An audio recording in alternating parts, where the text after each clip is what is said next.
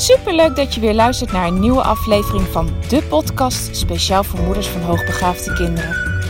Mijn naam is Eveline Noordzij en in deze podcast deel ik tips en inspiratie, zodat jij meer en meer in jezelf gaat geloven en durft te vertrouwen op je intuïtie. Want jij bent precies de moeder die jouw kind nodig heeft. Hoe ga je om met uitdagende situaties? Wat heeft jouw kind van jou nodig? En hoe zorg je voor verandering in je gezinssituatie door jouw eigen persoonlijke groei? Ik heb er veel zin in om dit allemaal met jou te delen. Dus laten we voor vandaag maar gaan beginnen.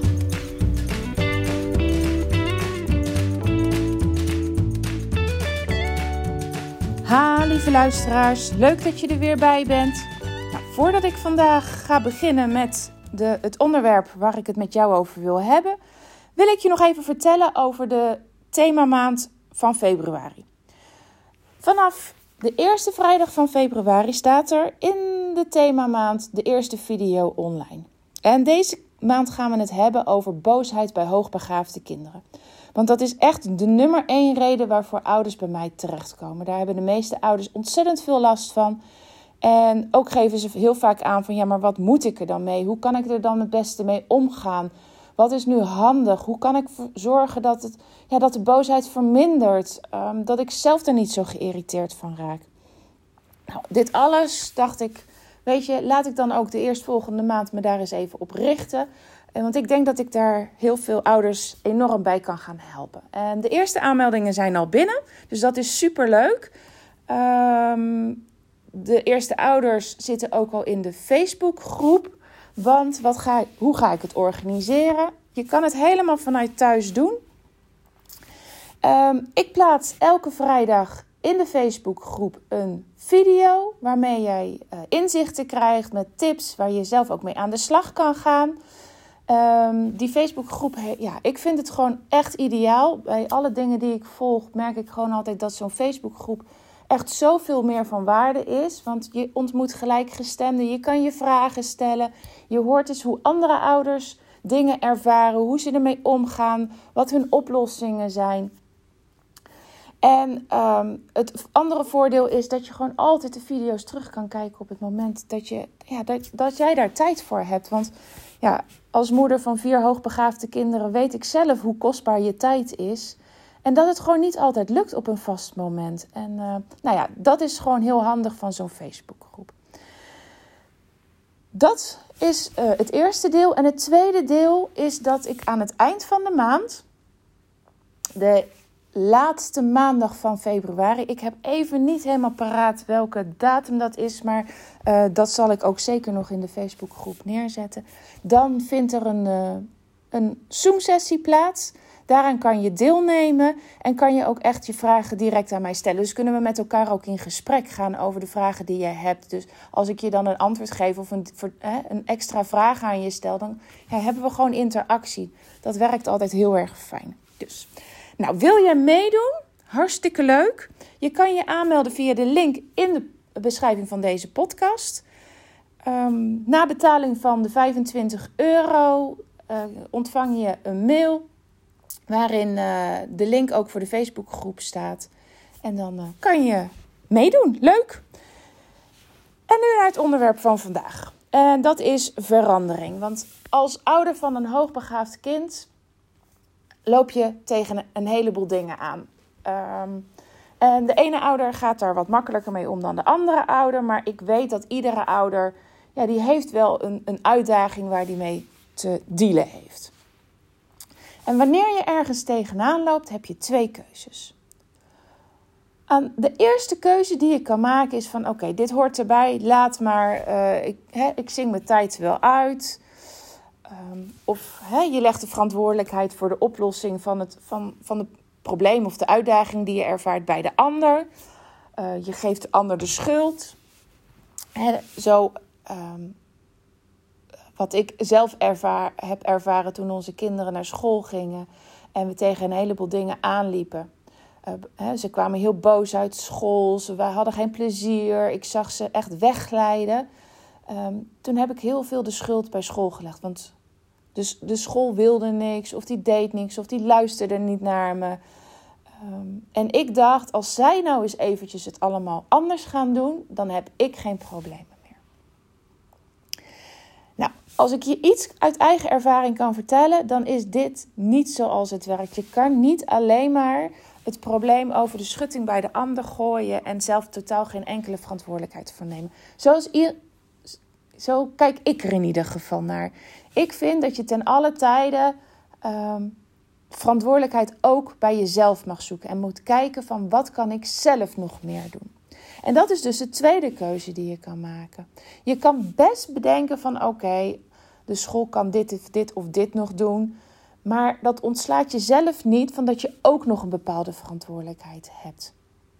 En dus dan ga je initiatief nemen. Je gaat kijken wat je zelf nog meer kan doen. En daar ga je je keuzes voor maken.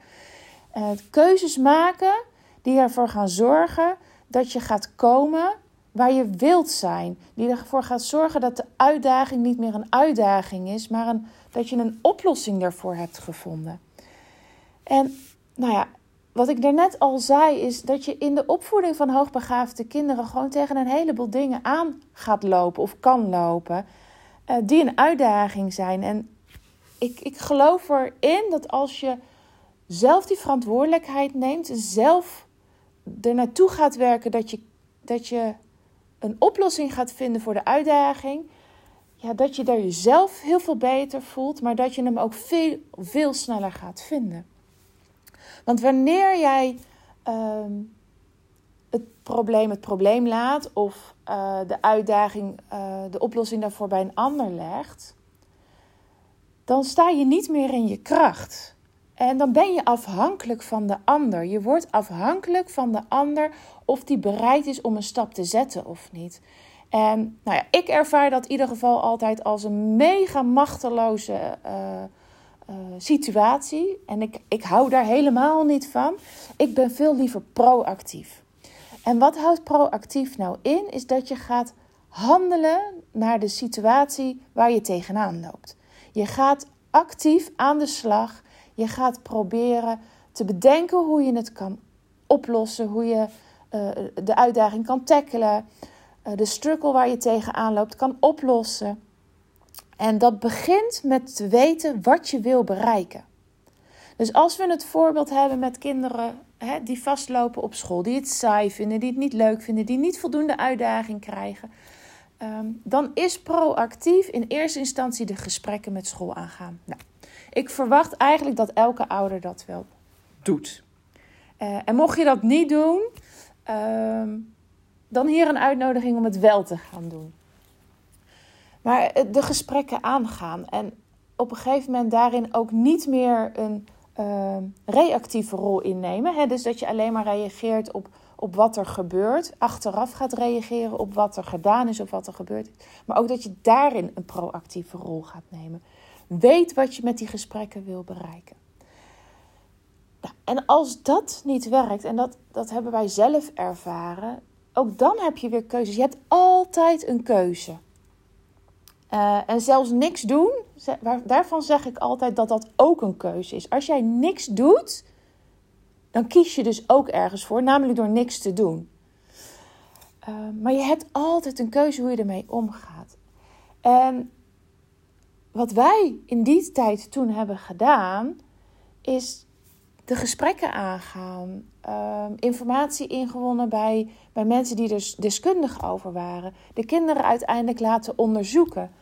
Um, wat ik ook nog gedaan heb, is mijn zus, die zelf in het onderwijs zit, meegenomen naar die gesprekken. Omdat ik dacht, weet je, zij weet veel beter dan ik, uh, toen er tijd nog, um, ja, hoe dat didactische stuk in elkaar zit.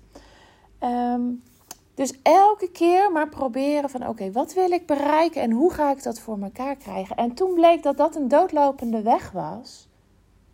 Toen zijn we op zoek gegaan naar een andere school. Dus elke keer maar zelf weer die verantwoordelijkheid nemen. Zelf elke keer kijken, wat kan ik nu doen? Wat zijn nu mijn mogelijkheden? Welke keuzes kan ik maken in het belang van mijn kind? Um, en, en ook daarin um, um, ja, niet die afwachtende houding maar steeds aan te nemen. Van dat een ander het wel weet. Want ik weet dat jij als ouder echt heel goed weet wat jouw kind nodig heeft.